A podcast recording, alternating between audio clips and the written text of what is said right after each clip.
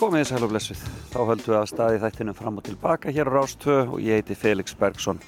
Ætla að vera með ykkur hér allt eh, fram til tíu frétta þegar þau eh, Gísli Marstein og Björg taka við í sínum morgunkaffi. Og ég heils ykkur hérna frá Berlín þar sem ég statur í augnabringinu sitt nú bara hér utan dýra.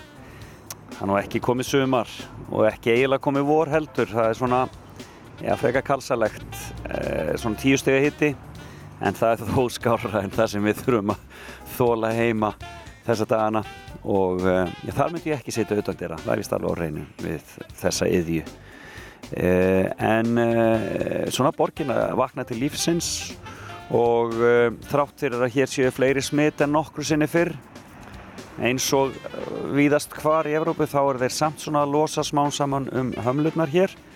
En það er samt þannig að maður þarf bæði að vera með grímu innan dýra og uh, maður þarf líka að vera með öll skýrteini á reynu bæði uh, bólusetningaskýrteini eða fyrra smitt og uh, já, sumstaðar gangaði svo langt að þó maður sé með bólusetningaskýrteini og fyrra smitt þá nægir ekki bara vennileg bólusetning, það verður að vera búst.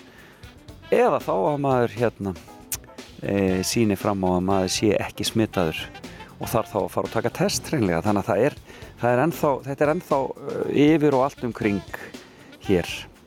Og þannig er þetta annar staðar í Evrópi líka til dæmis á Ítalíu. Þar er, er, er þeir ennþá ekki búin að aflýsa neyðar ástandi en eins og einhver sagði það eru, menn eru taka þetta misalvarlega og uh, og uh, margir sem segja við ættum að taka þetta alvarlegar heima en það er nú, er nú það er hægara sagt en gert eins og máli standa. Og það er önnur umræða ræðum það síðar. En uh, góðu gestur minn í dag uh, er vel uh, inni í alþjóðamálunum. Hún er fórstöðumadur og alþjóðamálastofnunar Háskóla Íslands. Hún heitir Píja Hansson og hún ætlar að koma hér í skemmtilega fimmu tímin og eftir og að sjálfsögðu tengist það alþjóðamálunum nema hvað. Og um, fimm lönd sem að hún hefur reynslu af eða búið í verða þar undir. Svo eftir nýju ætla ég að e, e, leif ykkur að heyra nokkur lög sem komin eru fram í Eurovision kefnin í ár. Svona bara til að gefa ykkur smá svona kýtlu í þessu öllu saman. Nú er gengur lífið mikið út á Eurovision hjá okkur mörgum sem vinnum hér hjá Ríkisúttarpinu og lögin eru komin. Öll, ég held að síðustu lögin séu bara detta inn í dag og um, þar kennir nú margra grasa og eru gaman að sjá hvernig er sýstur hvernig þeim áttur að ganga í samkjæfni við þessa flottu listamenn sem er að koma fram. Og uh, svo ætla ég aðeins að segja ykkur af því sem gerist á deginum. Og þar koma nú tveir tónlistamenn við sögu. Við spilum lög með þeim hér og eftir en það er það kemur betur í ljós í dag er 19. mars. Og uh, þetta er þátturinn fram og tilbaka. Og við byrjum á lagi dagsins og það er auðvitað á söngakefni hvernig væri að revja eitt gammalt og gott með Birgitta Haugdal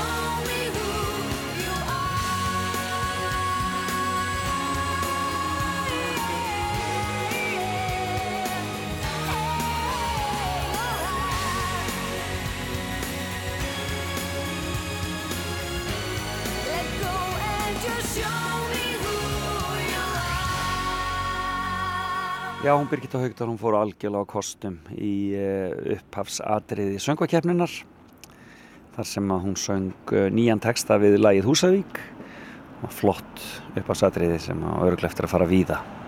Frábær söng hún á þarna, söng hún Open Your Heart sem hún kefti með í söngvakefninni á sínum tíma.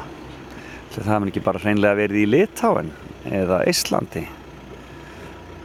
Konum það en uh, það fyrir að líða því að Pía Hansson komi til mín í fimmuna og uh, segja okkar á fimm löndum sem hafa haft áhrif á lífennar en við byrjum á að heyra eitt af lögunum sem kæfti söngakefni og á sannarlega eftir að lifa áfram uh, frábær listakona sem kom þarna fram.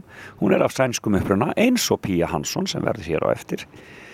Hún heitir um, Hanna Mía og um, hljómsveitin The Astro Tourists, Tourists og um, Já, þetta er bara frábært lag sem heitir Sjens með þér.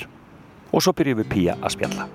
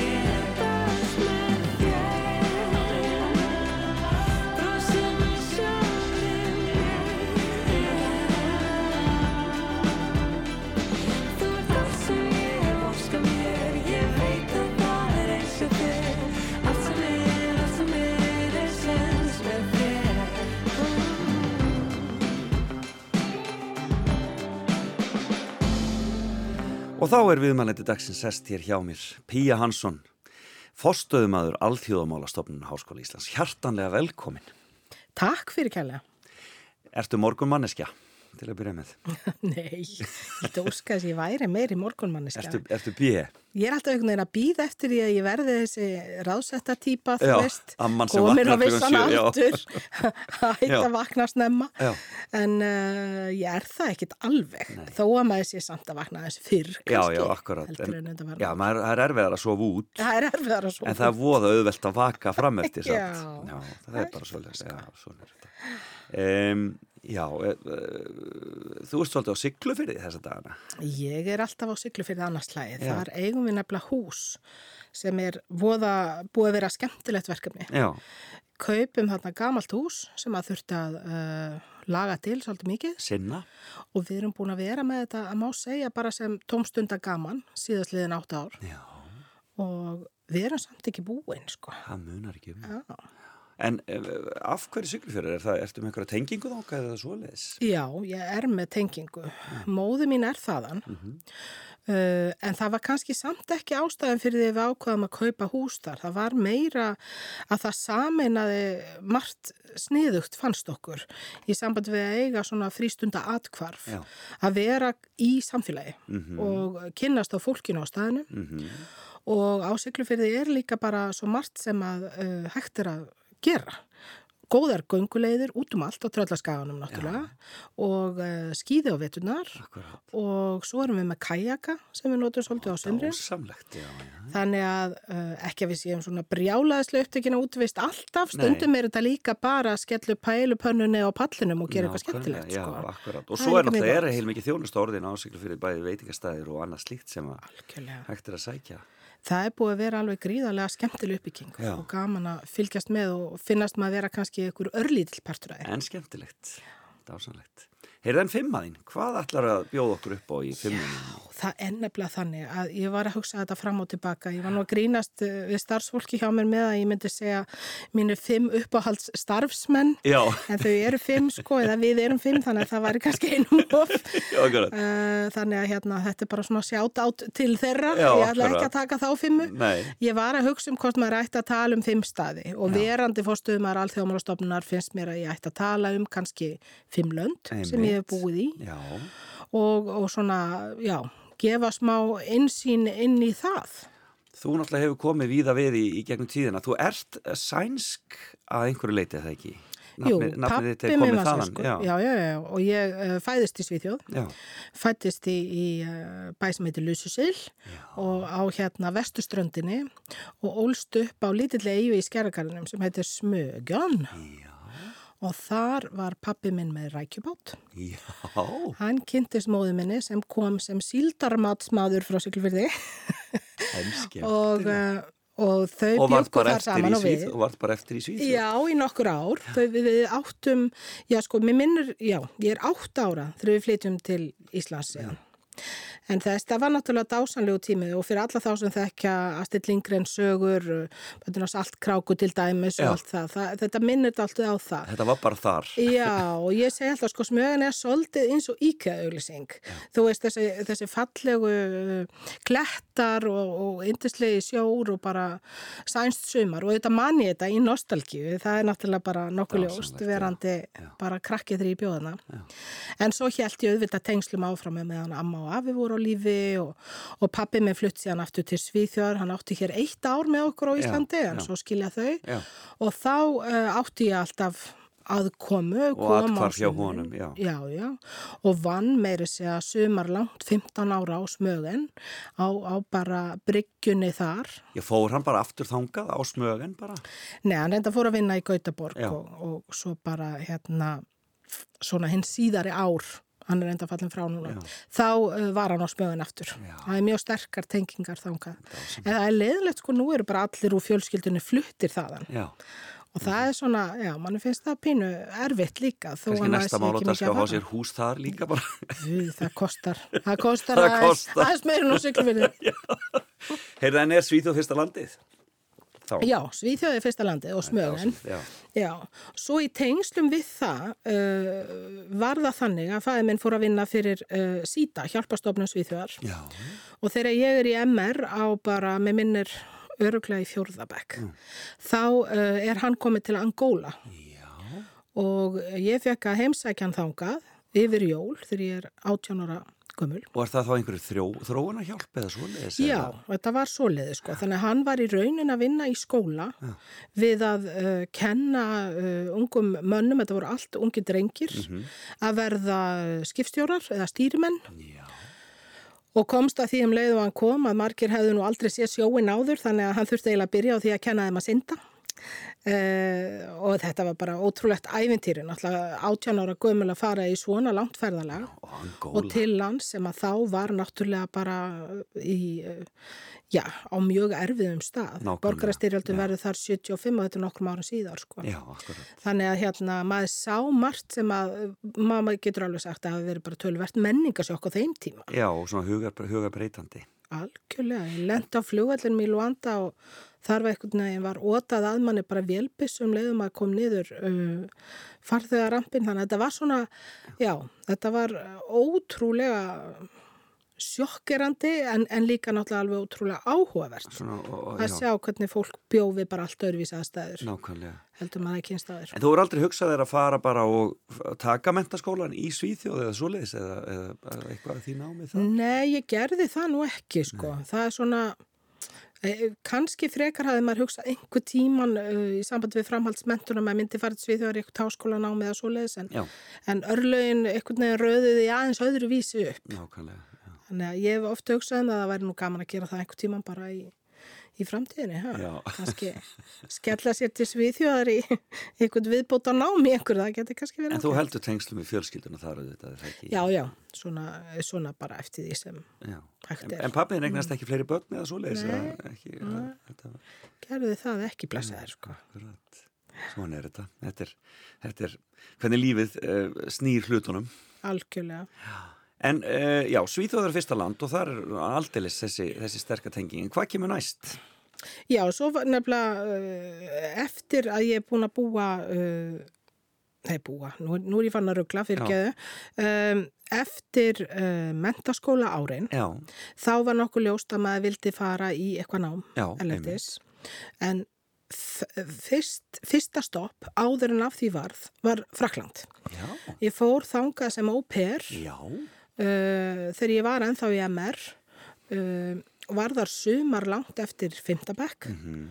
og fór síðan aftur til sömu fjölskyldu eftir ég útskrifaðist og var þar í hálft ár. Já, og það var bara á fransku rívjörunni á bara Captain nefnir. sem að var dásamlegt að, að vera hjá franskri fjölskyldu og kynnast þeim verða slarkfær í fransku sem ég því miður hef ekki haldið nóg vel við þó að ég þykist hafa smá, einhverja smá tilfinningu fyrir tungumál En getur lesið hana en þá eða svoleiðis?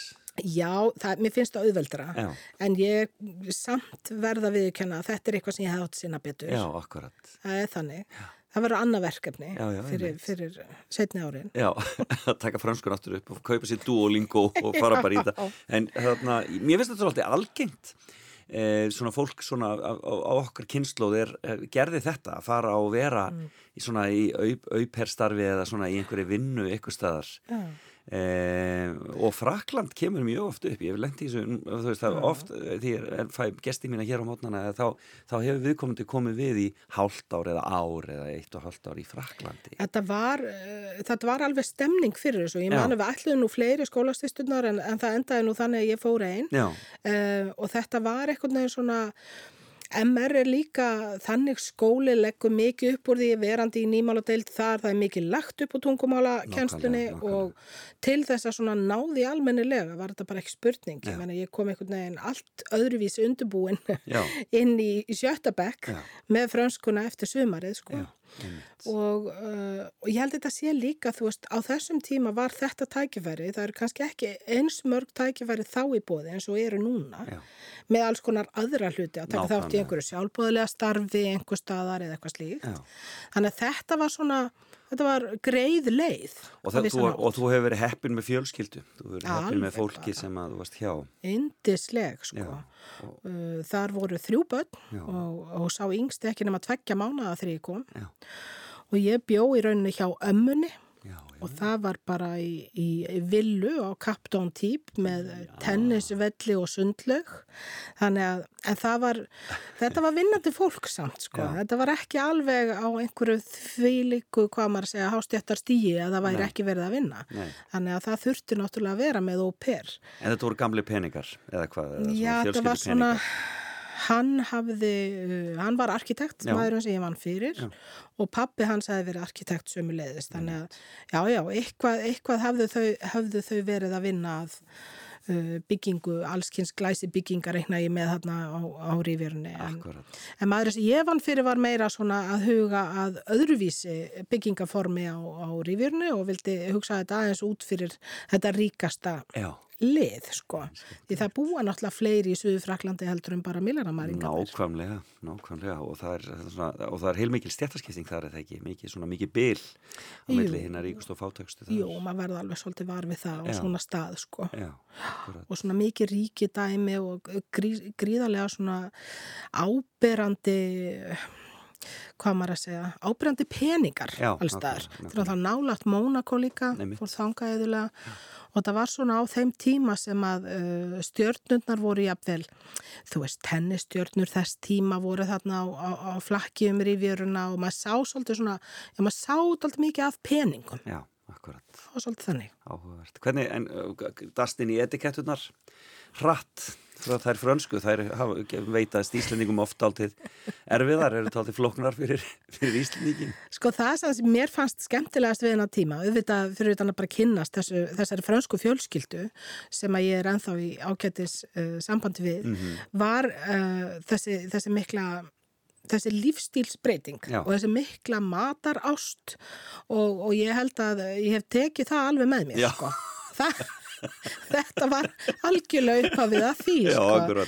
En verandi, þú veist, rúmlega tvítu þegar ég var þarna, uh, þá uh, var auðvitað þannig að maður var kannski ekkert alveg á sömu akkurat. með að vilja setja yfir matarbóðum til sko 11-12 á kvöldin. Þannig að það endaði stundum þannig að ég borðaði með börnunum sem ég getur nú örgulega farið út á lífið og hitt eitthvað annað ungt fólk. sko. Nákvæmlega, akkurat. En, en þetta var rosalega gaman hvað þetta var þar og einhvern veginn að kynnast öðrum hlutum og borða eitthvað sem maður hafi bara aldrei séð áður. Akkurat. Það var rosalega skemmtileg upplifun. Alltaf dásanlega matakista líka þarna miðrarhafið og þetta, þarna, þetta, þetta svæði. Já, algjörlega Það endislegt. er ekki betra. Nei. Frábært. Frakland semst næsta land, en hvað er það þriðja? Já, er það háskólanámið? þriðja- Já, sko, þá nefnilega var ég aðeins að spekulera á það að verða Frakland Já. eða hvað. En svo bauðst mér að fara í nám til Bandaríkjana Já. og ég ákvaða að skella mér á það og fór til Minnesota. Já, já. Þannig að uh, Og hvað ákvæmst að læra? ég fór í fjölmiðlun, get ég nú bara sett þér. Já, já, já, já. Og byrjaði þar í námi í, í uh, mars. Þetta var svona quarter system eins og þau kallaði, ekki Já. misseri, heldur skipt upp í uh, svona stittri lótur. Og þetta er bara bíanám þá í fjölmjöla Já, fræðir. já. Og byrjaði þar í, í Duluth í Minnesota. Sko, sko, ég þekki Minnesota mjög illa. Hvar er Minnesota svona til að byrja? Þetta er svona... Þetta er, svona, Þetta er miðvestur ríki Miðvestur, já. og liggur upp að kanadísku landamærunum. Já. Og er bara þetta, þetta svæði The Great Lakes Já, area, einmitt, sko. akkurat. Já. Þannig að Lake Superior, stóra vatnið, uh, þar uh, Duluth liggur við það vatn. Og þetta er gott svæði, skemmtilegt svæði. Já, þetta var dásanlega skóli að vera í. Það var aðeins minni heldur en útibúið þetta tilherir University of Minnesota Já. og uh, ég var svona að hugsa fyrst að ég byrja kannski í Duluth og svo fer ég það minni Minneapolis. En ég endaði með að klára þar að því það var einfallega bara hjælt svo vel utanum hann. Já. Að vera einhvern veginn í 8.000 nefndaskóla versus einhvern veginn 45.000 fannst mér bara Góðir Huggulegt. og svo leiðis. alveg dásanlegt. Já. Og það var bara virkilega skemmtilegt og gaman. Maður náttúrulega var að koma úr, sko, bæði að hafa verið pair í Fraklandi og MR Já. og uh, ekki að ég vilja hallmæla MR á nokkurn hátt en það er nú daldið þannig og var í skólakerfinu á Íslanda á þessum tíma. Varst ekki mikið beðin um að segja þetta áleik á einunni neinu. Það er alltaf öðruvísi í Ameríku. Svo kemur maður til Ameríku og þá er bara endalöst verið að byrja, what, what do you feel about Já, that? Can you akkurat. please bla bla bla, veist, þannig að maður var endalöst að standa upp og tjá sig um eitthvað Já. og spyrja að einhverju og vera alltaf gaggríninn og allt þetta. Og áttu þetta við þig? Já, sannarlega. Já.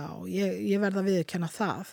Mér fannst þetta uh, gott kerfi hvað það var þar. Mér fannst mikið lagt upp úr því að, að þetta væri uh, samskipti sem þyrftu að eiga sér stað fram og tilbaka, að það væri ekki bara innræður og, og uh, verið að messa yfir líðnum. Nákvæmlega. Þannig mér fannst það mjög gaman og það var mikið af velendur nefndum við skólan sem var líka afskaplega uh, skemmtilegt að kynnast bara fullt af fólki. Akkurat, hérðan og þaðan. Já, Dásanlegt. Og varstu þannig einn þá á þessum tíma? ég, já, já. Já. Svo kom reyndar ein vinkona mín og var þarna setna árið Já. Íslensku nefandi líka en það, en það var mjög gaman að koma að nú vera bara einhvern veginn einu Íslandingur en ég var óslulega vinsæl fyrir viki og alltaf verið að byrja með að koma og segja frá Íslandi. Og maður var enda löst Já, einhverjum stand upp og tala. Já, já, að því líka það er náttúrulega rík hefð fyrir tengslum við Ísland á þessu svæði. Vita, þannig að það var mikill áhugi. Já og það, það var svolítið gaman að upplifa það. Æsland er farið að fljúa þarna til Minneapolis og svona Nei, ekki þá, ekki þá sko. Nei, Ég fór eðilega gegnum Chicago. Já, ok. Það var svona á tímabili en, en, Nei, það var ekki komið, já, það Nei, það var ekki komið, sko. En Hvernig, sko, náttúrulega vagga fjölmiðlunar, nútíma fjölmiðlunar er í bandaríkjunum. Mm. Hvernig finnst þér, sko, fylgistu með eh, svona strömm og stefnum í því? Erstu ennþá svona með, með þennan áhuga á fjölmiðlunni sem slíkri? Já, ég hef alltaf áhuga fyrir því og, og vann náttúrulega í fjölmjölunum lengi hérna Akkurat. heima líka Einmitt. og ég fór síðan í mastersnám til New York í Ok, framhaldinu Já, og það var uh, meira sjónvarsdagskrárgerð heldur en nokkuð annað og uh, það var mjög skemmtilegt en ég kláraði það ekki að því að þá bara var ég komin í annan gýr og, og von á, á mínum frumburði Já, þannig að akkurat, það gekk já. ekki en, uh, en það var rosalega skemmtilegu tími líka og náttúrulega allt annað heldur en að vera í Minnesota, tala ekki um Duluth, Minnesota Já, akkurat. versus New York, það er Akkurat. ekki alveg það sama sko þetta er ekki sama, þetta er næstu eins og ekki, ekki sama landið eitthvað já. Nei, það, það, það var bara allt annað veruleiki. En virkilega skemmtilegt nám sem að byggðist upp á því að við vorum að vinna að allskins verkefnum sem voru í sjómasdagsgrár gerð sem að uh, skólinn sindi, þetta var City University of New York, CUNY. Og hérna, og svo voru tímanir á kvöldin. Þannig að maður var bara, maður sindi ekki neinu öðru, Brilliant, þú veist, það var bara þannig, maður var alveg á kafi í þessu. Klikkað, skemmtilegt. mjög skemmtilegu tími Heyrðu, uh, tökum okkur smá pásu, þú, uh, hérna, ég spurði þau um lag og þá var það lagið sem þú varst að upplifa í kjerkvöldið, þú varst að horfa kvikmyndina Drúk. Ég var að heyra það, Sík, þetta er uh, Scarlet Pleasure, heitir hljómsveitin, og lagið What a Life. Hér, uh, ég, ég getur að dansa við þetta bara fyrir. mér finnst það What a life, what a night, what a beautiful, beautiful ride. Don't know where I'm in five, but I'm young and alive. Fuck what they are saying, what a life. I am so thrilled right now, cause I'm popping right now. Don't wanna worry about a thing. Don't wanna worry, but it makes me terrified to be on the other side. How long before I go insane?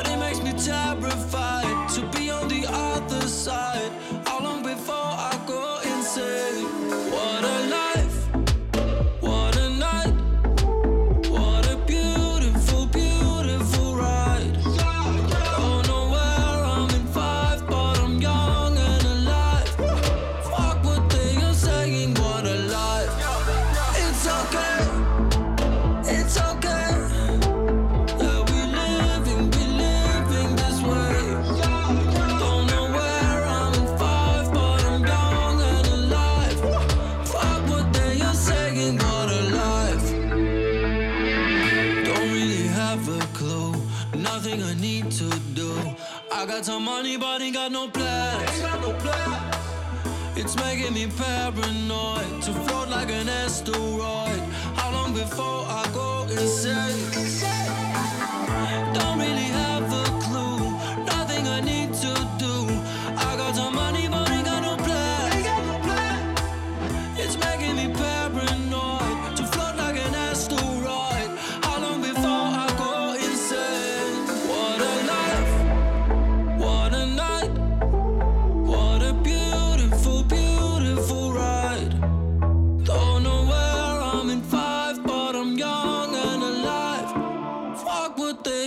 They are saying, what a life.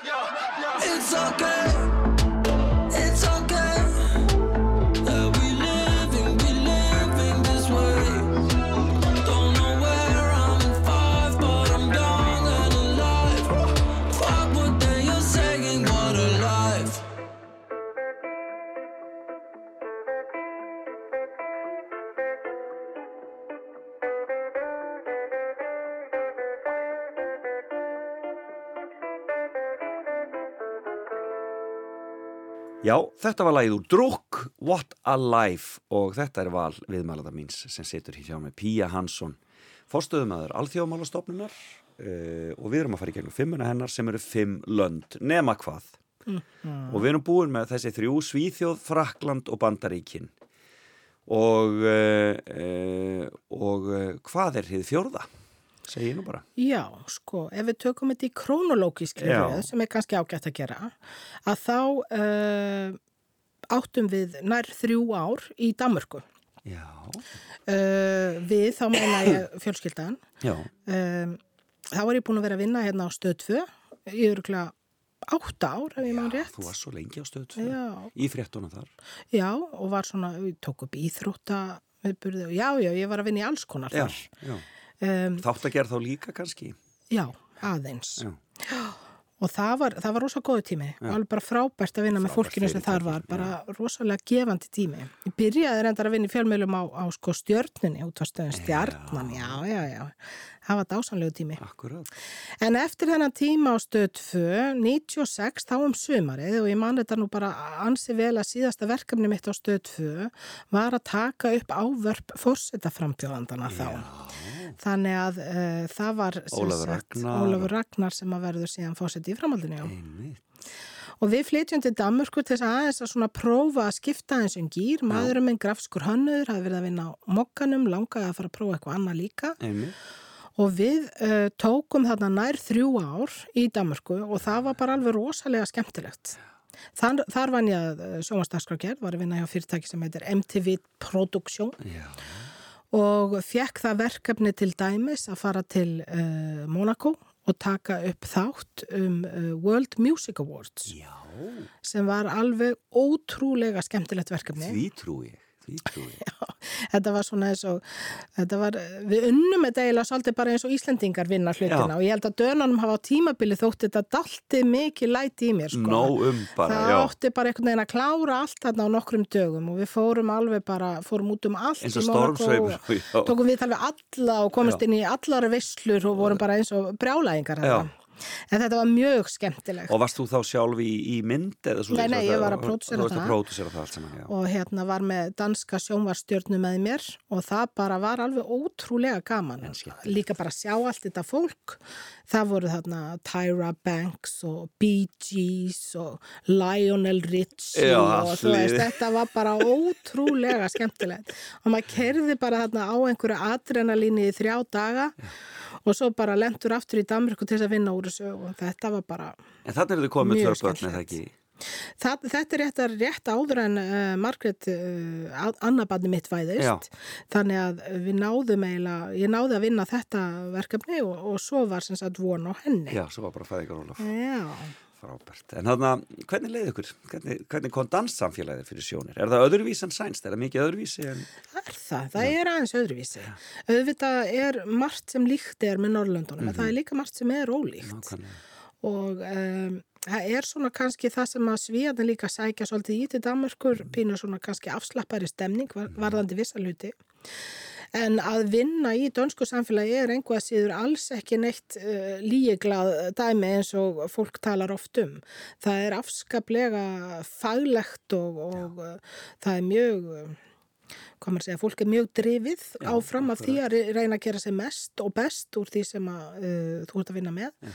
Mér fannst, ég læra mjög mikið á því. Já, og, og kannski svona meira skipulag já, aðeins meira svona já, forsjálni með vissa hluti sem, að, sem ég held að sé gott fyrir okkur Íslandingana að fá pínu já, læra smá. Og svo er ágætt að taka brjálaði þegar maður fer á, í til Mónakó og þarf að sapna svolítið skilurðu, já. þá þarf Íslandingin þá er ágætt að taka það Já, taka þann, verið, þann sko. pólun í hefðina en þú, en ertu farin að feta þig þá inn í alþjóðamálin þarna á þessum tíma út í Danmörku Nei, ég er ennþá svona svolítið, uh, hvað má maður segja, reikandi með hvert maður ætlar að stefna þegar við komum síðan heim. Já. Þá er ég að spekula í þessu og fer og tala við nokkur ára aðeins að hugsa málið, hvort að hvort maður eigi að reyna að feta inn á fjölmjöla slóðin aftur. Já. En uh, það sem síðan greip uh, augun var uh, atvinnauðlýsing frá ameríska sendiráðinu Einmitt. og, og ég ákvaða að prófa að sækja um þar og endaði síðan með að vinna í ameríska sendiráðinu í sex ár Akkurat. sem fjölmjöla fulltrúi hjá þeim og það var svona kannski viss vendipunktur Já. Að því að þá fór áhugin minn einmitt á alþjóðamálunum að aukast svo mikið. Er þetta bústímin eða Sko þegar ég byrja í Já. Clinton fósiti, Clinton að fórstu þú byrja? þannig að uh, en Bush tekur síðan fljótlega við. Já. Og þetta var, þetta var ótrúlega lærdomsríkt og varð líka kveikjana því ég hugsaði bara ég, ver, ég verð eitthvað að læra meira. Já. Þetta gengur ekki. Já, akkurat. Og, hérna, og þá varð fyrir valinu að fara í alþjóðasamskipti upp í Háskóli Íslands Já. Sem að var bara að byrja þá, var alveg nýtt nám. Þannig ég var í fyrsta árganginum ég held ég að svoleiðis, bara nefnandi nummer tvö sem akkurat. þannig að það, það varð mikil vendipunktur Já. og, og gaman að geta gert þetta og ég meina við verðum að vera tóltið þakklátt fyrir þessa möguleika í lífinu í dag að geta bara tekið algjör á kúvendingu þegar okkur sýnist það. Akkurat, það er ekki allar þjóðir, ekki all, allir sem geta það allstað, það er vist algjörlega þannig. og ég meina fjölmeila grunnur og fjölmeila reynsla og annað kemur náttúrulega alltaf kemur sér alltaf vel Mhm. þannig að það eh, gagnast mér líka í mínu núverandi starfi Nákvæmlega. þannig að þetta er bara þetta er allt svona hangið saman sko En uh, þarna, þetta starf föðins í Angóla, það svona lifir aðeins með þér og þú ferði í friðagesslið ekki að vinna í slíkum málum. Jú, þannig að eftir að ég klára námið uh, þá uh, bauðst mér að fara til Sri Lanka Já. Er og það, það er svona á vegum utaríkisráðanetsins en það var, já það er fintalandi Já. þá sem sagt um, já, bauðst mér að vera þar fjölmjöla fulltrúi yfir Sri Lanka Monitoring Mission sem að var uh, þetta samnorræna átak uh, vopna hljés eftirlits uh, sveit uh, Eftir þau sem að- hræðilegu átök sem höfðu þá geisað í landinu. já, og staðið mjög lengi. Hryllilegt stríð. Já, og í rauninni margt sem að uh, mætti ræða. Já. Já, það er, það er margt uh, sem Um þar gerðist já. sem að mætti líta aðeins betur dagsins ljós og sannarlega. Það er bara svoleiðis. Já, það er það. En þetta var, þetta var gríðarlega áhugaverður tími fyrir mig Mhm. og bara virkileg uh, hérna, lífsreynsla sem stendur með manni. Já. Fórstu einn þá? Já, það var ekki takt að taka fjölskyldu með, þannig að ég fór einn og skildi börnin eftir hjá föður sínum hugsaði þér. Þau eru ótrúlega vel lukkuð samt sem að maður verður bara að segja það eins og er. Ég segi það nú oft sko þegar að tala um guð mig góður yfirgafstu börni ég segi bara sko þetta var miklu erfiðar held ég fyrir mig Heldur en nokkuð tíma fyrir þau akkurat. þau áttu sinn föður og alla aðra sem hér stóðu þjættu fyrir þeim og þau fengu líka og það var svona útgangspunkturinn hjá okkur að ég myndi taka þetta að mér í sex mánu það var svona hugmyndin. Og að þau kæmi öll uh, yfir jólu og áramót og fengju að sjá hvar ég væri og upplifa það að einhverju leiti Sri Lanka líka. Einmitt. áður en ég kem síðan heim. Þannig að þetta var alltaf hugmyndin. Og það uh, raungerðist, Já. þau komu og meiri segja fóreldra mín líka, uh, móður mín og stjúpmóður, uh, stjúpfæði segi og það var svo gaman að þetta gætu orðið sameiginlega reynsla að einhverju leiti Nákvæmlega. að hafa kynst þessu landi Nákvæmlega. sem er náttúrulega óhemjufallegt og býr yfir alveg ótrúlega miklum auðlindum og indislegu fólki og bara virkilega gaman að koma Hvar er Sri Lanka nákvæmlega í... Uh, Það er eiginlega svona fyrir neðan Indland þegar maður getur orðað að þannig. Já, akkurat. Og, hérna, Og eru þá í, í, svolítið undir hælunum á þeim nágrana eða hvað? Já, sko, þeir hafa náttúrulega þurft að berjast við ímislegt í sinni sögu. Hafandi verið uh, undir bretum, þeir hafa, og það hefur til dæmis, tók maður svolítið eftir því þegar við erum hana á þeim tíma sem ég er ennþá borgarastyrjöld náttúrulega, að uh, rússarni voru út um allt. Já. merkilegt nokk.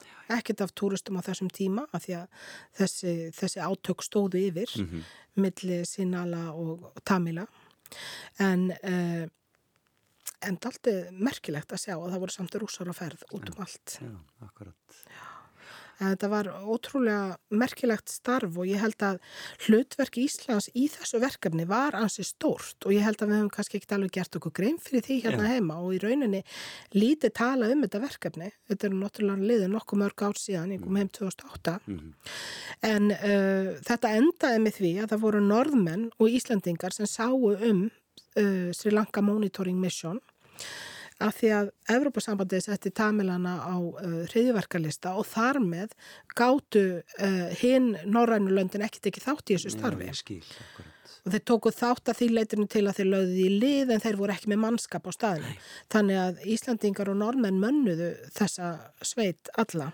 Og þá í, rauninni þá mikilvægu, þá það mikilvæga starfa að, að í rauninni að fylgjast með þessu skrásetja og hvað var að gerast og svo Já, leiðis. fylgjast með brotum á vopnarlesamninu. Þið voru mörgan, Þorfinnur Ómarsson var þannig líka var það ekki Jú, tímabili? hann var aðna á sama tíma og ég að hluta til og, og margir fleiri, Já, sko. akkurat. En svo gerist það að þeir ákveða að rifta vopnarlesamningnum og þá erum við ennþá úti og fjölskylda mín meiri sér hjá mig líka. Þannig að það var svolítið, eh, þá allt í hennu fann maður þetta betur, hvað þetta var í rauninni eh, hættuleg staða að vera Já, þetta. akkurat. Og þá fór ég allt í hennu að hugsa, býtu, hvað var ég eiginlega að spá? Okkur er fjölskylda mín hérna núna, mögulegast að, er ég mögulegast að sitja ykkur í hættu? Já. Því það voru ýmsar árásir í gangi og ýmislegt annað sem að gerðist á þessum tíma. Mhm. En uh, þeir gáfu okkur einhverja tvær vikur til þess að loka sjoppunni, svo að segja. Og, og mín tilfinning er nú svo að það hafi ýmislegt verið í gangi uh, hjá uh, stjórnvöldum á meðan um hvernig þeir ætluð að leysa þetta mál. Þeir hendu út öllum uh, alþjóðlegum eftirlitsstofnunum og uh, við tók í rauninni fjöldamorð. Já, viðbjöður. Þannig að, já, Ég sorglegt að, að vita að þetta hafi verið í gangi, já, alveg bara hræðilegt sko. Mannskefna getur verið erfið, en þetta samt er nót til þess að þú ert komin á bólakaf inn í alþjóðamálin og Já. með áhuga á þessu. Já, algjörlega. Og þú hefur farið svolítið inn í friðarmálin líka svolítið í gegnum alþjóðamálastofnun, eða ekki? Við stofn, stofnuðum höfða friðarsetur Reykjavík borgar og Háskóli Íslands fyrir nokkrum ára síðan og und, undir þeim formerkjum erum við með ímis verkefni sem að uh, bæði erum við náttúrulega að sinna rannsóknum og fræðslu á þessu sviði en við erum líka með verkefni til dæmis sem heitir uh, snjallræði sem er uh, hraðallum samfélagslega nýsköpun að því að þegar við erum að tala um öll þessi mál og við gerum það náttúrulega mikið og Nákvæmlega. auðvitað er það mjög mikilvægt Já. þá viljum við samt finna að út úr því starfi sem við erum með komi síðan eitthvað áþreifanlegt það verður alltaf að vera þannig Nákvæmlega. til þess að maður fái sér mest út úr þessu og þetta er eitt af þeim verkefnum já, sem er svona, sem að getur sagt eitthvað sem maður skilur eitthvað eftir sig Mhm. að því að þau teimi sem fari gegnum snjallræði hjá okkur þannig að samfélagslega nýskupnarhraðar eru verkefni sem kannski annars myndi ekki eiga upp á borði myndu kannski ekki fara inn í þetta venjulega viðskiptarhraðals umhverfi mhm, að því að tilgangur þeirra er fyrst og fremst að þetta sé eitthvað sem bætir samfélagið já, akkurat. Og, og um, þannig að það er búið gaman að sitja í akademiskri stofnun auðvitað og innan Háskóla Íslands en geta samt tekið þátt í verkefnum sem eru kannski aðeins meira að tengja okkur við samfélagið í heilsinni. Nákvæmlega, Þannig að það er það sem við reynum að gera. já, magnað. Og það er hægt og það geta allir leikmenn fylst með því sem alþjóðmálastofnun er að gera mætt á fyrirlestra og annað slíkt. Já, já, já, já. Og, og finnur fyrir því, er áhugi, er áhugi á alþjóðmálum í samfélaginu? Mér finnst það og mér finn, finnst það að hafa verið að aukast Já.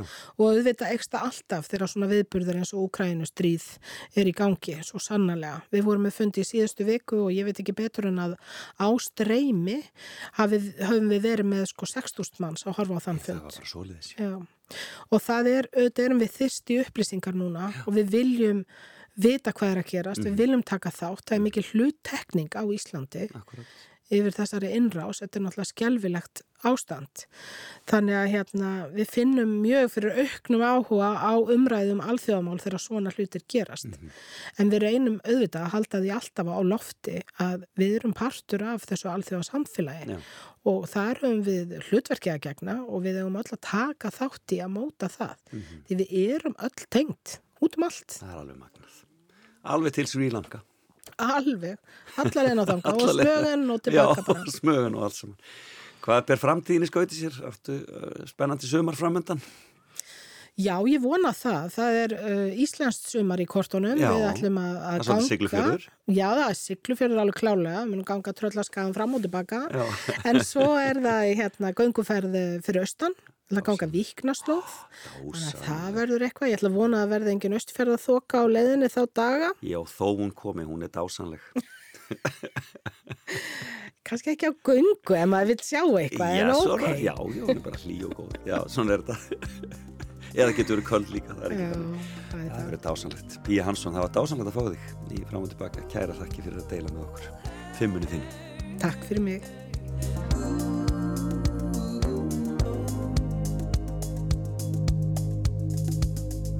vez de cucumaga, neve vou já see me.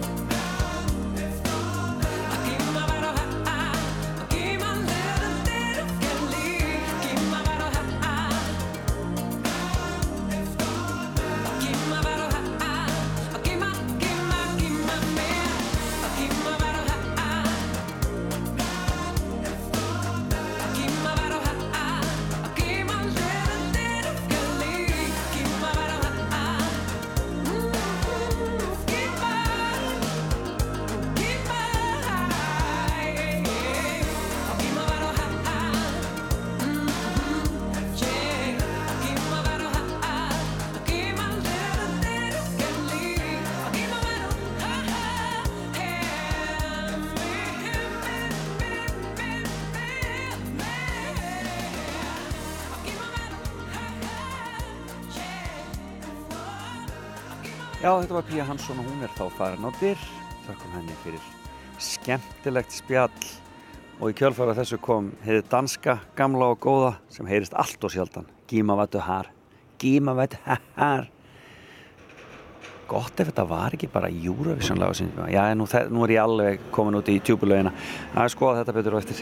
En e, við förum að renna í nýju fréttir hér í fram og tilbaka og höldum svo ótröð áfram. Ég ætla að lefa ykkur að heyra Eurovision lag eftir nýju og um, svo ætlum við að tjekka því sem gerist á þessum degi 19. mars um marst stór, stórmerkilega og skemmtilegu dagur. Heyrums þá.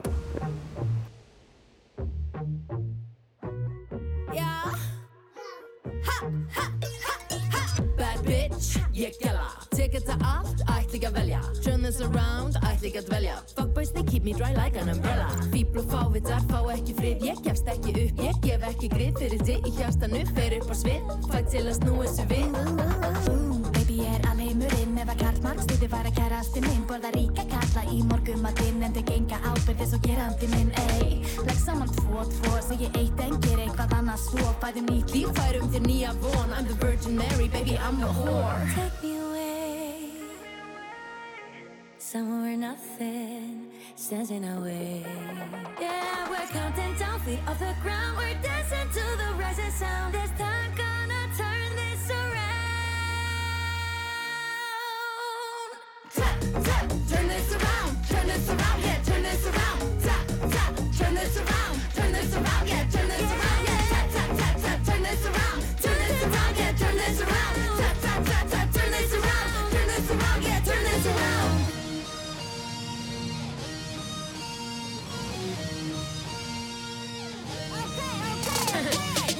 Ég fer upp á svið en mér langar til þó að eitthvað lið fríki.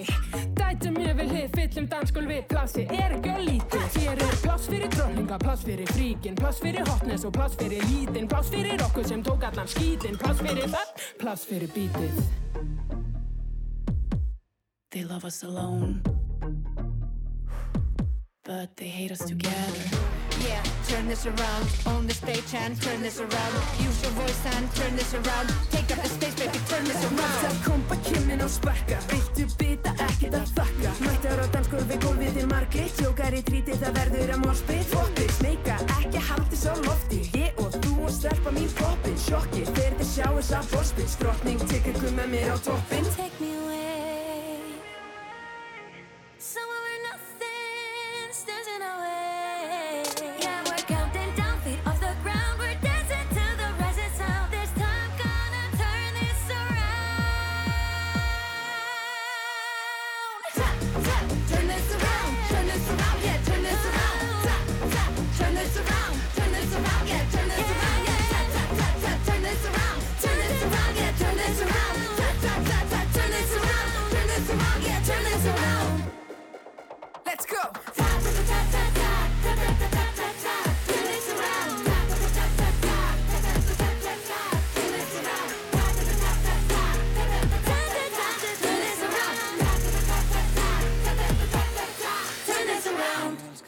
að þú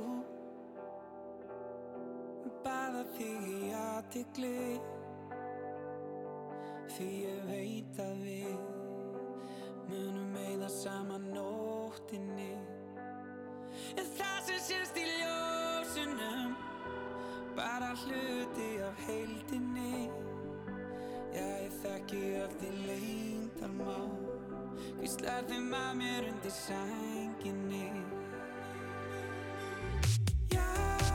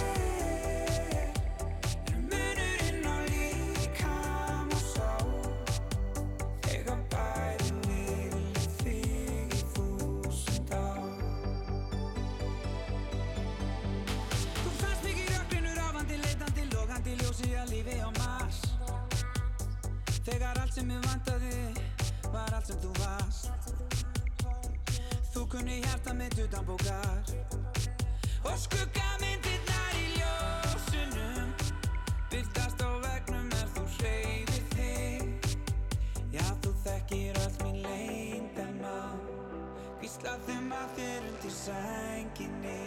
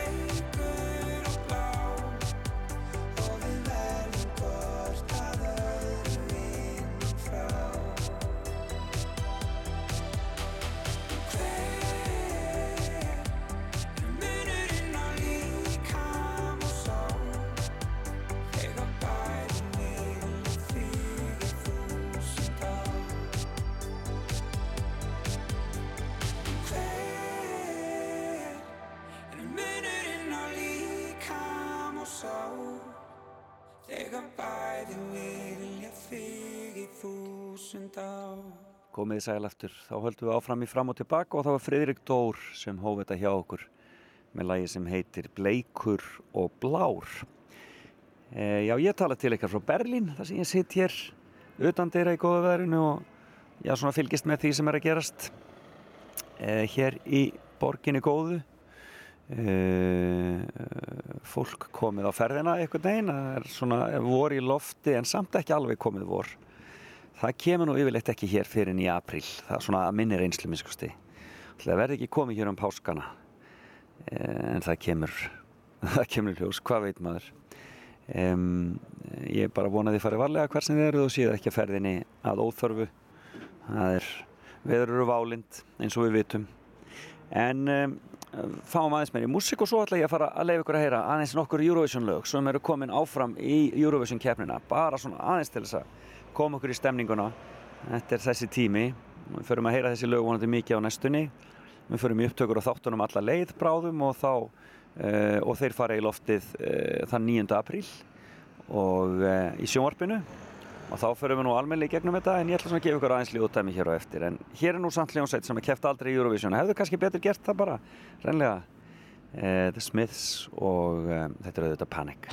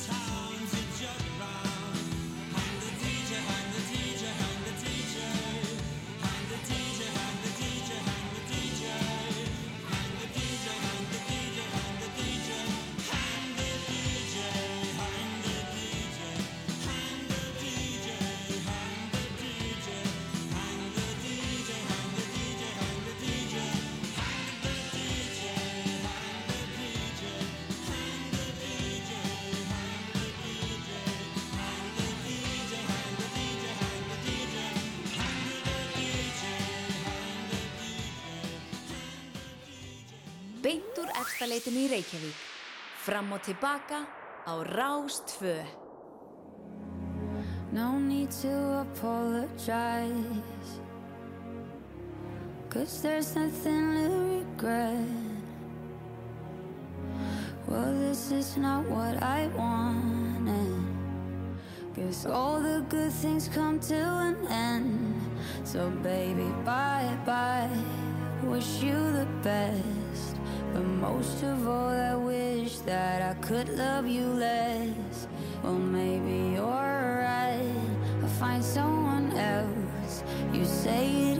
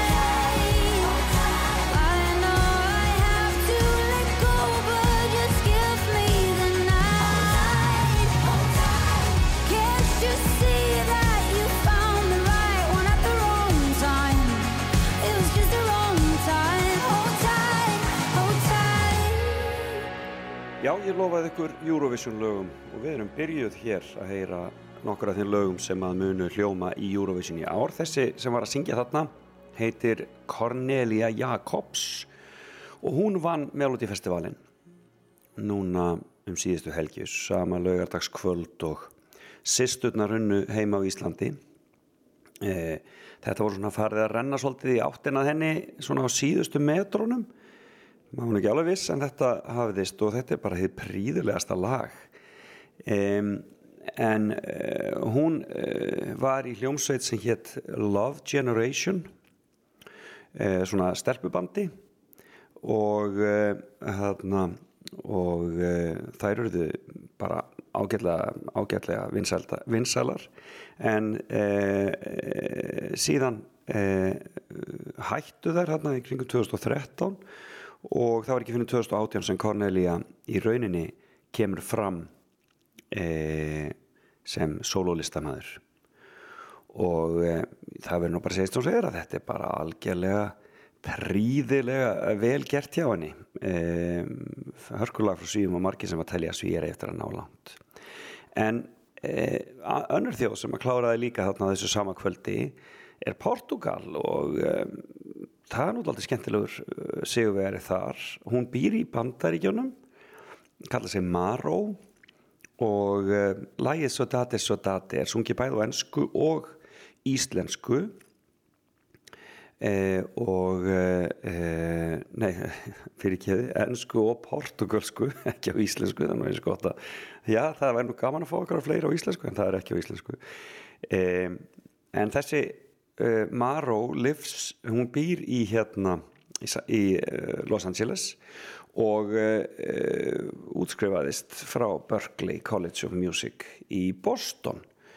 Og fyrsta soloplattan kom árið 2018 og hún kom bara heim og sá og sigraði. Og þetta lag fjallar vist um afennar og söknuðin eftir honum og hvernig hún getur ekki líst söknuðinum öðruvísinni með þessu orði, eina orði. Sodate, Sodate. Hlustum á Portugal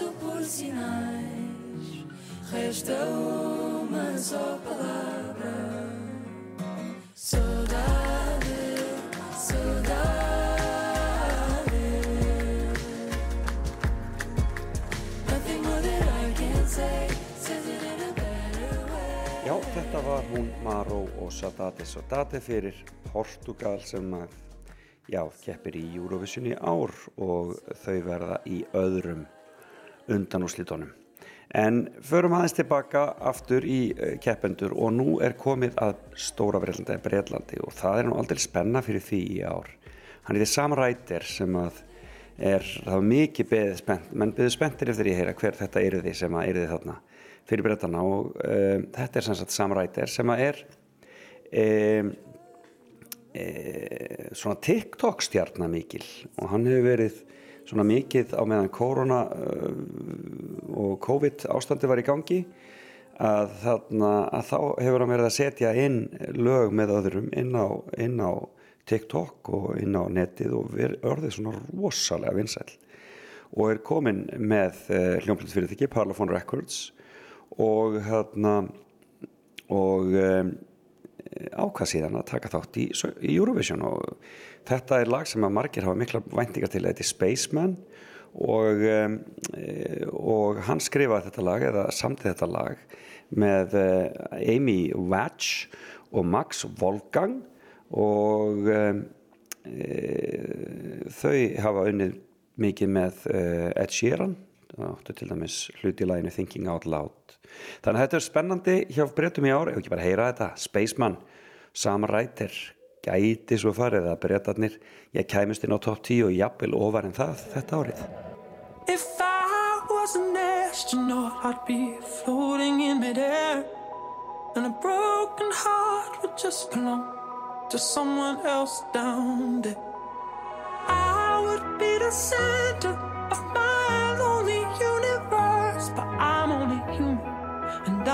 crashing down to earth. If I was an astronaut, I'd have a bird's eye view. I'd circle around the world and keep on coming back to you. In my floating castle, I'd rub shoulders with the stars, but I'm only human and I'm drifting in the dark.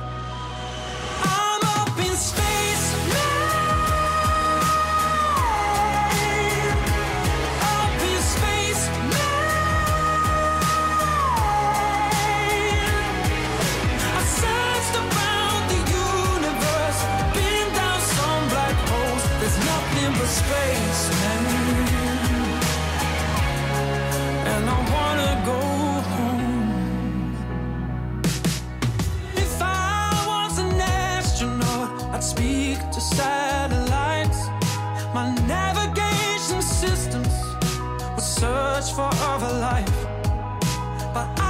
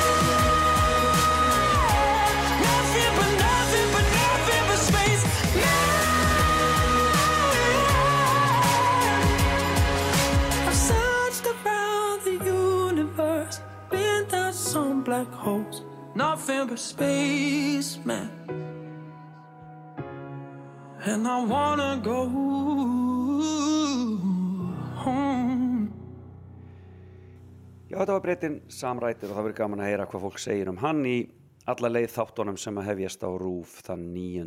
apríl. En förum aðeins til finnan okkar, við okkar þar og þau hafa aldrei verið sterk undanfarið komið skemmtileg lög inn í Eurovision. Við erum bara hörku flott frá finnanum undanfarið ár.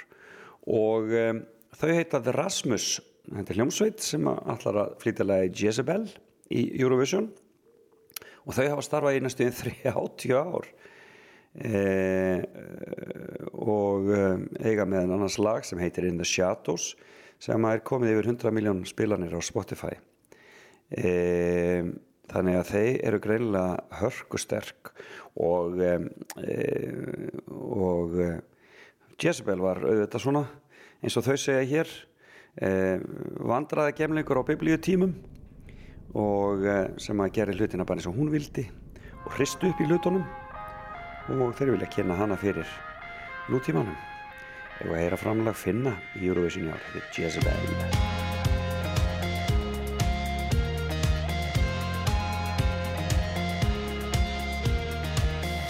Midnight, it's time to put your face on. Game set, a killer shock in heels. I'm just the first shot on your hit list. High kicks, a predator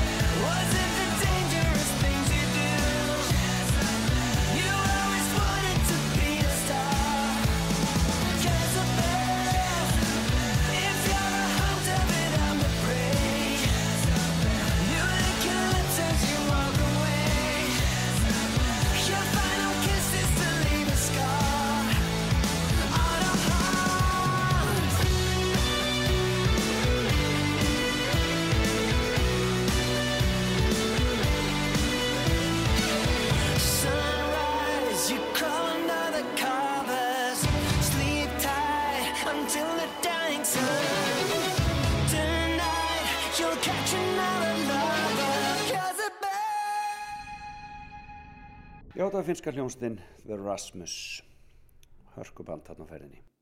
En við getum ekki sleppt í að fara yfir uh, þessi lög núna öðru svona skoða aðeins framlega Úkrænu og það eru margir spenntir að heyra hvort að þeir eiga eftir að koma. Raunar er einn í hljómsveitinni eh, líka meðlimur í eh, Go A sem kom í fyrra. E, það er hann e, Ihor Didanchuk sem er uh, hérna, líka í, í hinu. En aðalmaðurinn í þessari Kalush Orkestra sem að uh, verður fulltrúi Úkrænu ef allt gengur eftir hann heitir Ole Psiuk uh, og hann er söngvari og rappari. Og uh, lagið heitir einfallega Stefania og er samið til móður söngvarans. Mm, fallegt Eh, svona getaði nú verið mjúkir þessi rappar en eh, við skulum heyra framlag Ukrænu og auðvitað eru þau lang, lang efstir í veðböngum í augnablíkinu en, en eh, við skulum vona að það þurfi ekki samúðar atkvæði til að þeir vinni. Ég held að lægið sé alveg nóg gott til að vinna eitt og sér. Heyrum Stefania. Stefania mamma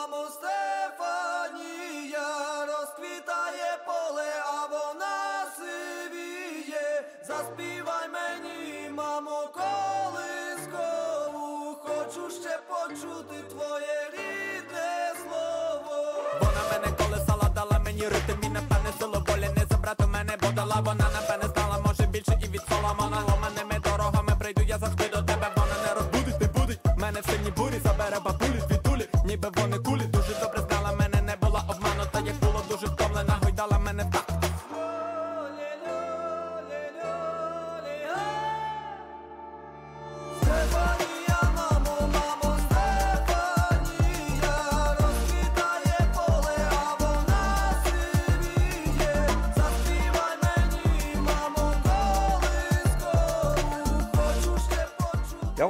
Úkraina og að lokum skulum við heyra framlag Noregs. Ég hef nú búin að spila það fyrir ykkur tíman áður. Ég hef líka spilað fyrir ykkur hér framlag eh, Ítalíu.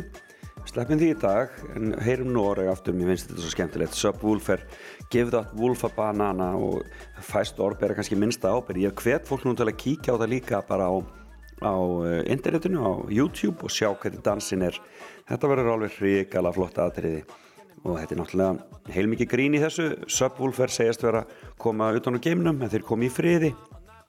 En þeir grínast mikið með uh, ömmur og úlfa og annað slikt og svo þetta með bananan. Er kannski gott að gefa uh, úlfi banana? Uh, og svo er spurning hvort þeir eru eftir að ganga svo langt að setja banan á pizzuna sína á Ítalíu það verður að koma í ljós en hérna er sem sagt Subwoofer og látum þá þessari yfirferð yfir nokkur af þeim lögum sem eru komin fram í Eurovision í ár lokið Not sure I told you, but I really like your teeth. That hairy coat of yours with nothing underneath. Not sure you have a name, so I will call you Keith. See where you're going, but I saliva or blood dripping off your chin? If you don't like the name Keith, I'ma call you Jim. And before that wolf eats my grandma, give that wolf a banana, give that wolf. And before that wolf eats my grandma, give that wolf a banana,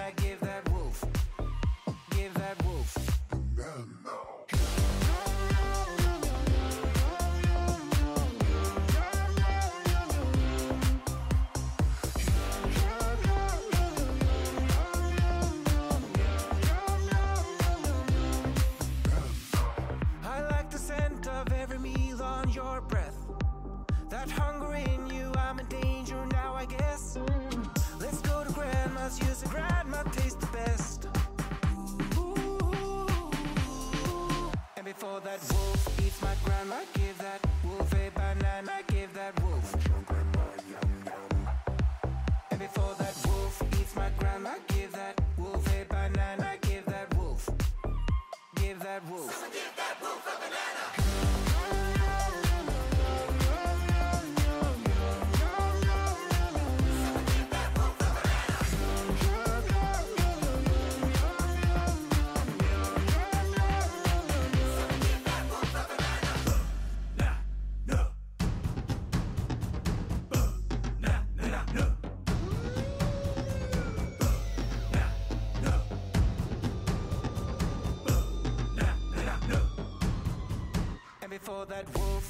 grandma, give that wolf a banana, give that wolf.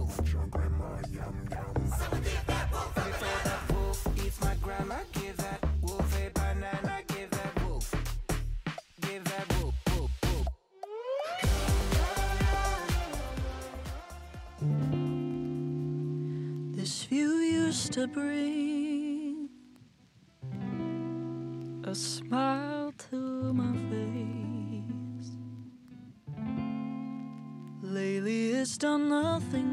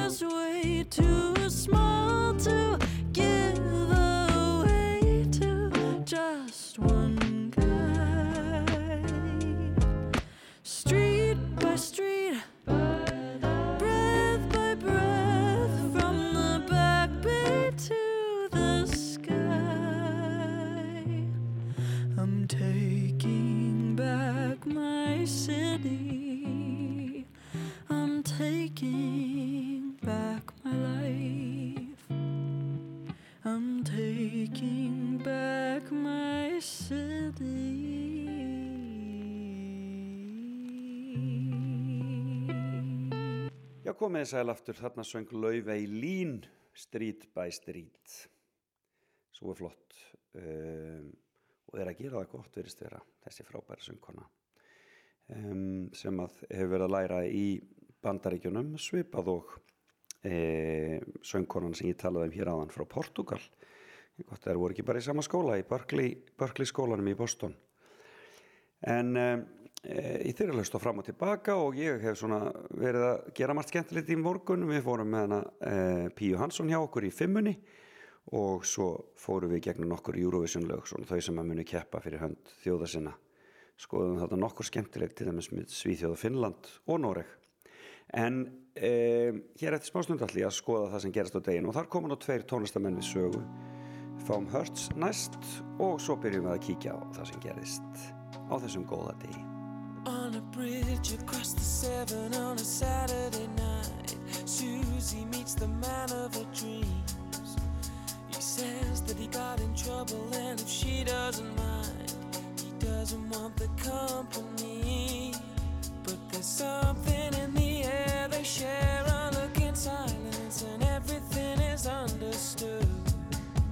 And Susie grabs a man and puts a grip on his hand tear in his eye. She says, Don't let go. Never give up, it's such a wonderful life. Don't let go. Never give up, it's such a wonderful life.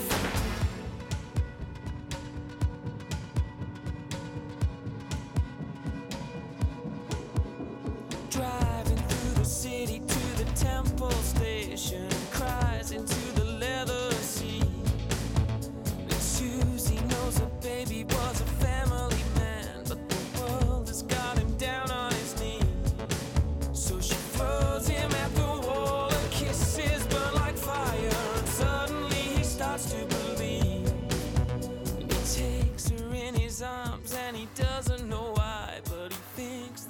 begins to see.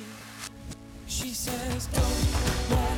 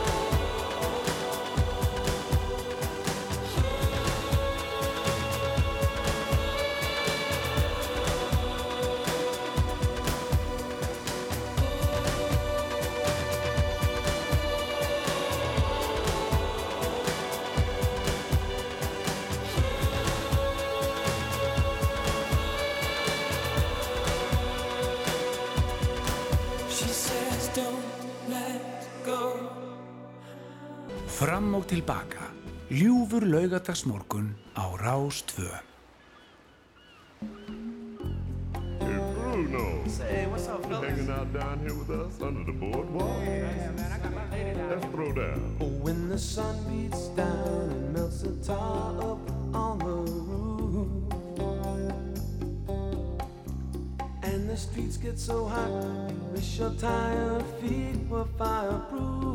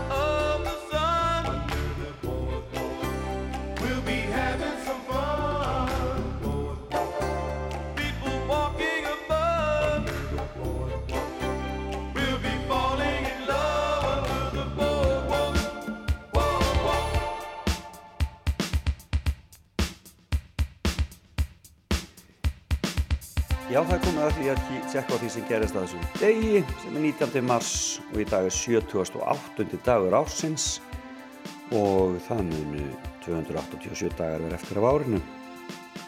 Og það var Bruce Willis sem söng hér á undan en hann er eitt af ammælisbörnum dagsins sá ágætti leikari e, fættur árið 1955 og hann gaf út þetta skemmtilega lag uh, Under the Boardwalk eitthvað tíman á nýjunda áratögnum og varð bara nokkuð vinsalt hreinlega. E, og við kíkum kannski aðeins betur á ammælspöndunum eftir en kannski strax að uh, því sem gerist á þessum degi og e, það er hérna skemmtilegt e, skemmtileg fyrsta fyrsta, það fyrsta sem kemur upp á Wikipedia er um hann aðalráð ráðalausa sem var englandskonungur á þessum degi árið 978 e, og e, og e, og hann var semst konungur til 1013 og síðan aftur frá 1014 þetta var náttúrulega ótrúlega tímar og ég segi það sé gaman fyrir þá sem að einhverja sem að fylgjast með sjónvastáttunum því að í sjónvastáttunum sem hafa verið á, á RÚF, ekki Vikings heldur hinnir sjónvastættinir um, um það sem gengur á Englandi. E, er einmitt aðal, aðal ráður ráðarlausi eða Ethelred einn af e, karakterunum þar. Og það er svona lauslega að vera að reyna að fara eftir þessari sögu en síðan er nýjir karakterar búið til og þetta slíkt. Það er gaman að lesa þetta á, á hérna eh, Wikipedia. En þetta er semst 978 sem hann verið konungur yfir Englandi og svo var það fram og tilbaka milli Danana og Englendingan hann nokkur ár á eftir. Árið 1279 heilum uh, 300 árin síðar Kublai Khan sigraði Songveldið og lauk þar með við að leggja Kína undir Yuan-veldið. Já, stórmerkilegt lið. Um, 1649 enska fulltrúaþingið afnam enska lávarðaþingið með þeim orðum að veri gagslaust og hættulegt íbúum Englands. Ég hefði kannski bara átt að halda í það en það var vist endurist eitthvað tíðan 1754 komið til Íslands þegar að tvær síslur, Gullbringusísla og Kjósasísla voru sameinaðir í Gullbring og Kjósasíslu Já, sameiningar voru byrjaðar þá þegar 1754 Fyrsta bankarán í sögu bandaríkjan átti sér stað þegar City Bank of New York var rændur árið 1831 og það voru 245.000 dalir sem þeir náðu þar.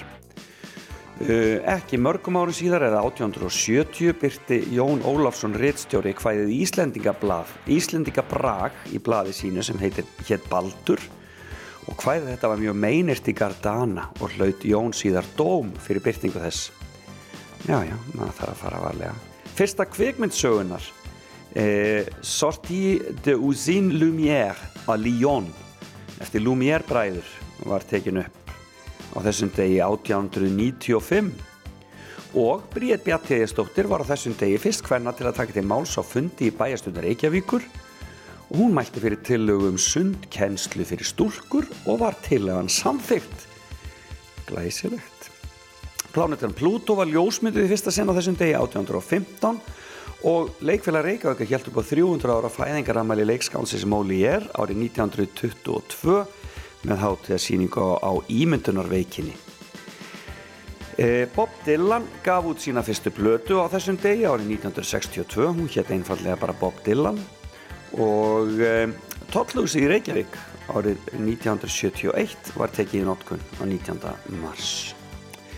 Um, svo förum við aðeins lengra. Á 1982 argentínskir borgarar reistu fána Argentínu á eiginu Suður Georgíu og Falklandsegja stríðið braust út. Uh, og uh, náttúrulega svakalega glata stríð. George Bush gaf skipunum innrás í Írak árið 2003 talandum ömurleg stríð og árið 2004 þá tapaði mentaskólinn í Reykjavík í fyrsta sinn í getur betur í 11 ár eða lægri hlut gegn borgarholtskóla í undanúslutum. Já, hérna. 11 ár tók það að vinna MR í getur betur. E, og e, já, ætla að sé nokkuð meira hérna sem er verðt að tala um. Nei, nei, við látum þetta nú kannski, næ, jú, eldgós hófst á þessum degi fyrir nákvæmlega ári síðan, árið 2021, við Fagradalsfjall á Reykjaneskaga og það þekkjum við vel hér. Og svo er það aðmælisbörnin og þau eru nú af ímsum toga David Livingstone munið eftir því. Skoskur landkonuður og trúbóði hann fættist þessum degi 1813 eh, og eh, Adolf Eichmann sá ömurlegi þíski nazista fóringi hann fættist á þessum degi árið 1906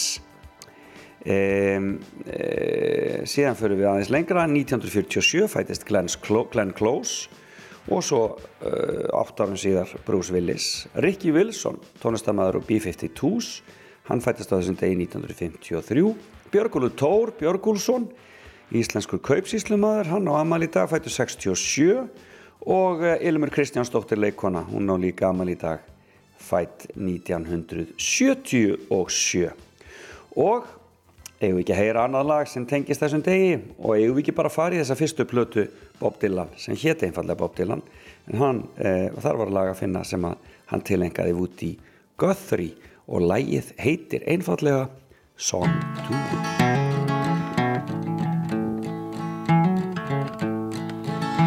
I'm out here a thousand miles from my home. Walking a road other men have gone down.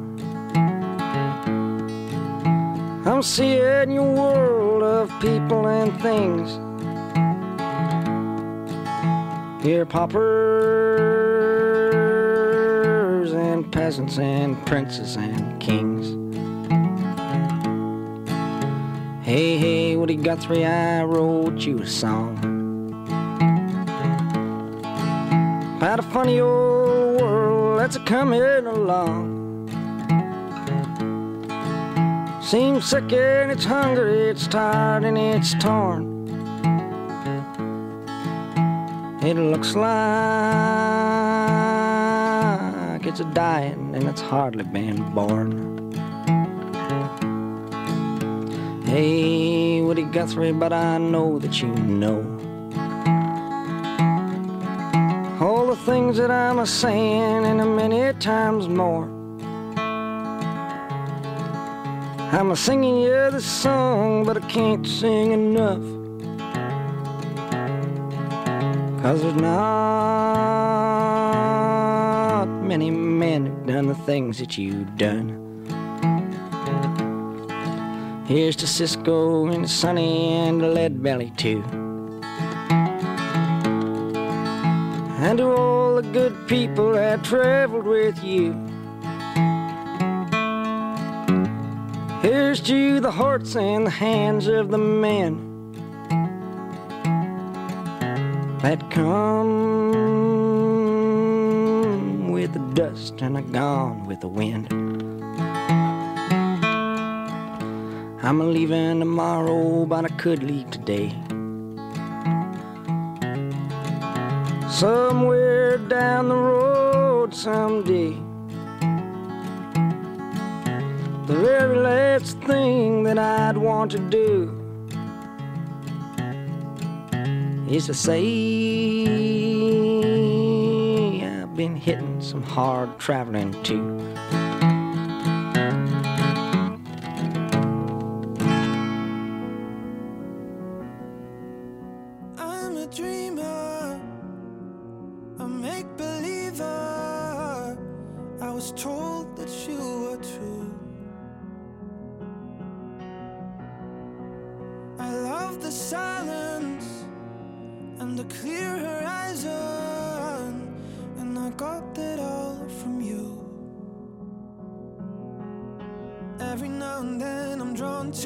Places where I hear your voice or see your face, and every little thought will lead me right back to you.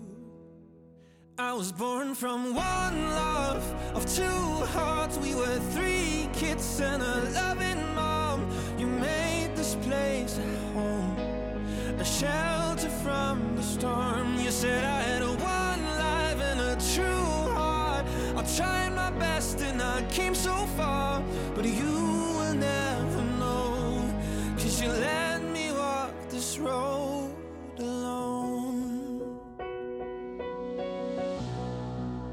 childhood hero will always be you, and no one else comes close. I thought you'd lead me when life's misleading. That's when I miss you most. Every now and then I'm drawn to places where I hear your voice or see your face, and every little thought will lead me right back to you. I was born from one love of two hearts. We were three kids and a loving mom. You made this place home, a shelter from the storm. You said I had a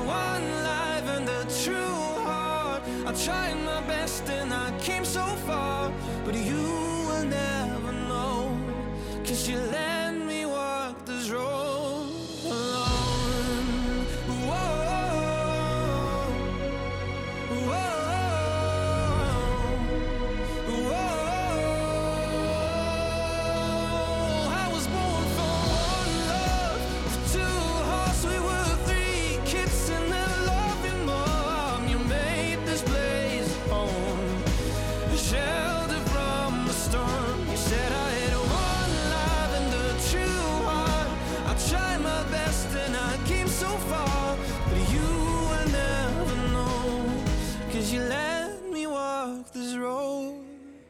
Já, kæru vinir, þetta var Mikael Schulte og framlag Þískalands frá því fyrir nokkrum árum síðan í Eurovision You Let Me Walk Alone. Það væri nú gaman ef Þískaland kemur með almennilegt lag aftur. Það er vist ekki ár. Það kemur vonandi eitthvað tíman en um, nóg af þessu og nóg um þáttin í dag. Ég er hættur, ég þakka viðmannanda mínum frábærum Píu Hansson fyrir fimmuna sem voru fimm lönd nema hvað þegar maður er fórstöðumadur eða fórstöðumadur alltíðumálastofnunar þá tala maður um útlönd og löndin hennar voru Svíþjóð, Frakland, Bandaríkin, Danmörk og Sri Lanka og hafði öll á hana mikil áhrif. E, og ef þið viljið heyra viðtal við Píu þá verður þetta allt saman komið inn á neti hér eftir smá stund. Um, e, við heyruðum nokkur lög sem eru komin inn í Eurovision, lögin frá Svíþjóðu, Portugal, Breitlandi, Finnlandi, Úkrænu og Noregi. Og fleira munum við heyra á næstunni. Og er þá ekki bara tilvalið að klára þetta hjá okkur í dag með íslenska Eurovision-læginu í ár?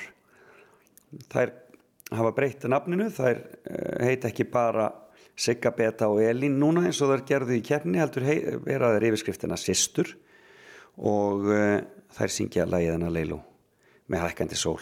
Ég þakka fyrir samfélgin í dag og hlakka til að vera með ykkur aftur eftir viku í fram og tilbaka bless bless.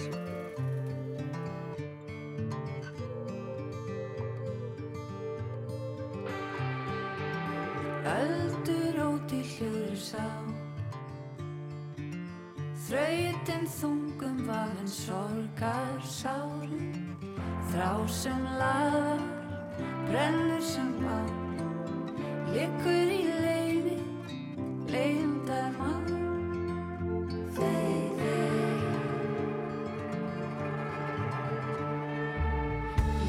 Ljósar skiptum fær að sjá. Fegurð í frelsir sem þokast nær. Þó nætur hún mig skelli á. Og sögð